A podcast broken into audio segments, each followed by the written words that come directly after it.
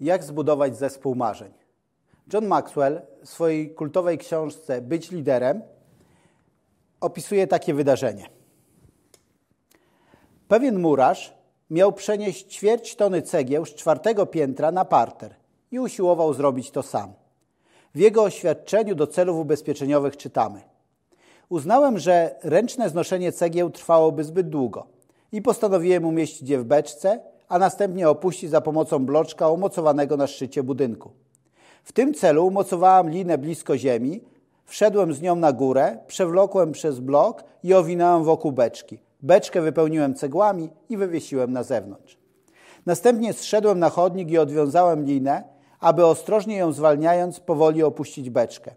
Ponieważ jednak, beczka, ponieważ jednak ważyłem jedną trzecią tego, co cegły, ciężar beczki szarpnął mnie do góry, zanim zdążyłem puścić linę. Przylatując między drugim i trzecim piętrem, zdężyłem się ze spadającą beczką, co spowodowało rany i okaleczenia górnej części ciała.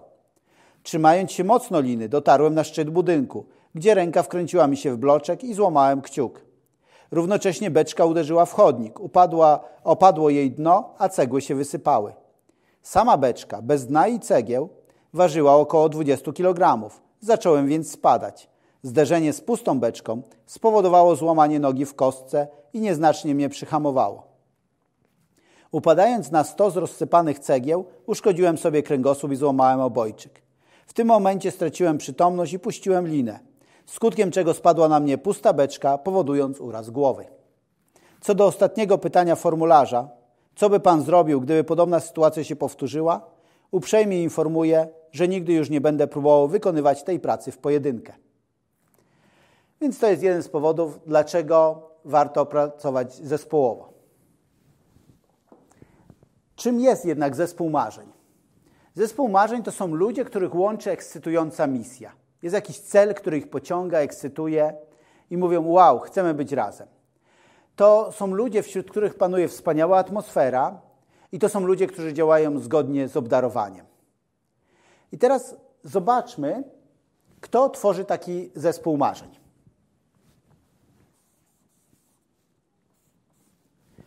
Pierwsza osoba, która tworzy zespół marzeń, to jest wizjoner. Ktoś, kto ma właśnie tą ekscytującą wizję przyszłości, jakiś plan i mówi: zróbmy to.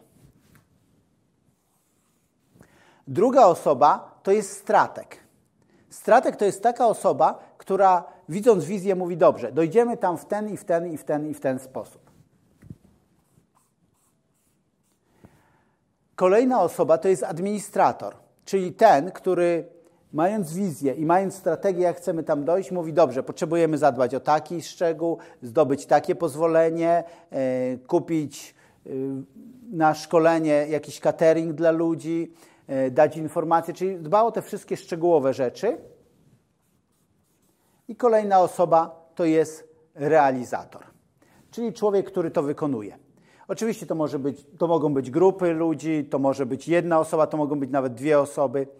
Chodzi o ogólną zasadę. Wizjoner, który mówi, tam idziemy. Strateg mówi, taką drogę obierzemy. Administrator mówi, musimy zadbać o takie szczegóły. Realizator realizuje to.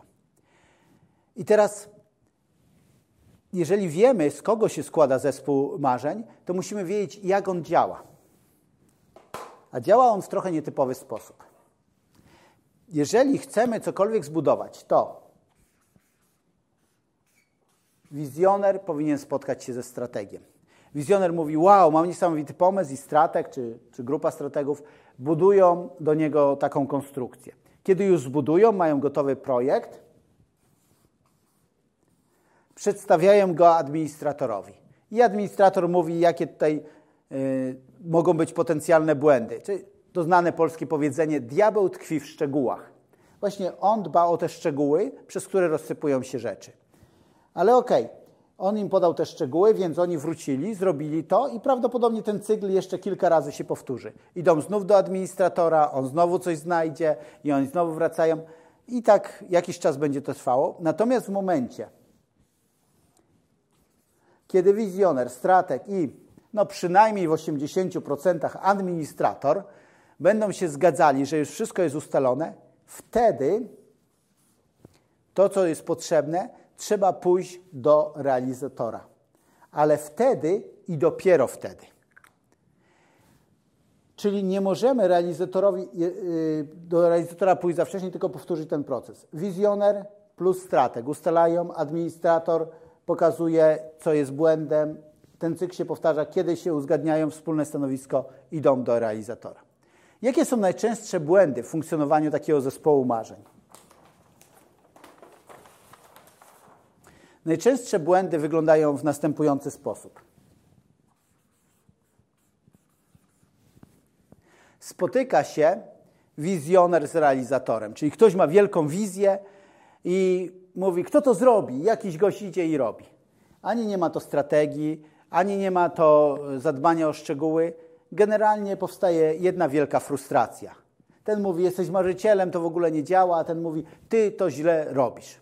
Inny błąd.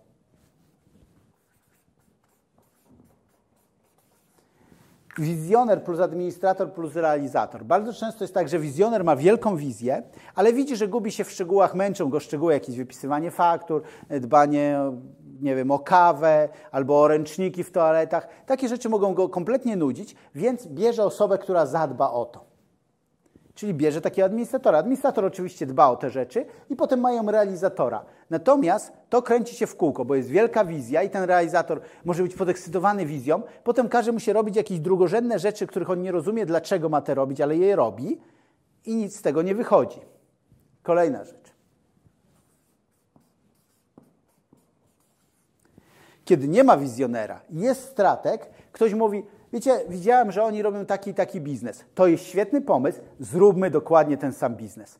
I on bierze strategię, może kopiuje strategię, może wymyśla samą, jest administrator, dba o, o szczegóły i jest realizator, który to robi. Można powiedzieć, jaki tu problem?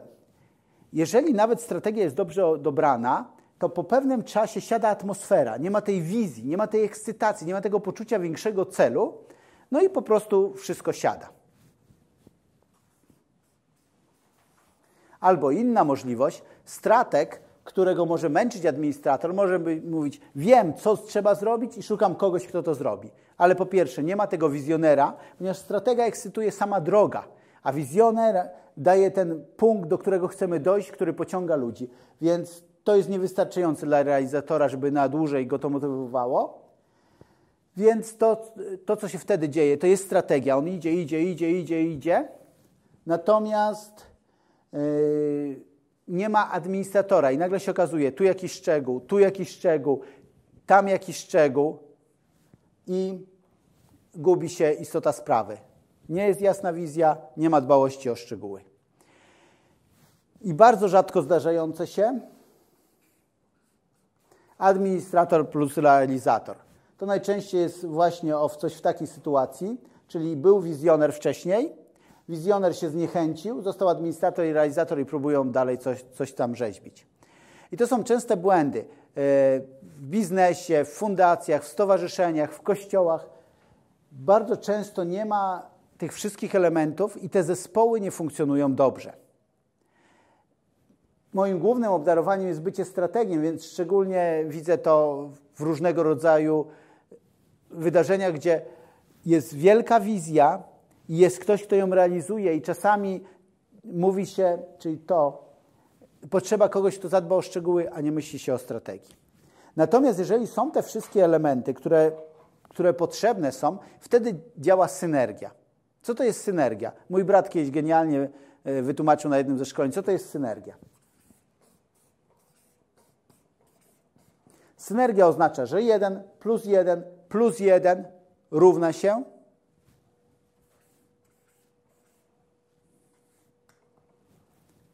111. Synergia to jest to, że ogólna suma tego, co robimy, jest większa niż poszczególnych całości. Czyli na przykład, jeżeli są dwie osoby i jeden podniesie 50 kg i drugi podniesie 50 kg, to we dwóch podniosą nie 100 kg, ale 120 kg. Więc z takich elementów, z takich składowych składa się zespół marzeń, a w kolejnym yy, nauczaniu zobaczysz, jakie są etapy budowania zespołu marzeń tak naprawdę, jakie są etapy budowania każdego zespołu, nawet takiego najmniejszego, jakim jest dwójka ludzi tworzących małżeństwo. Zapraszam.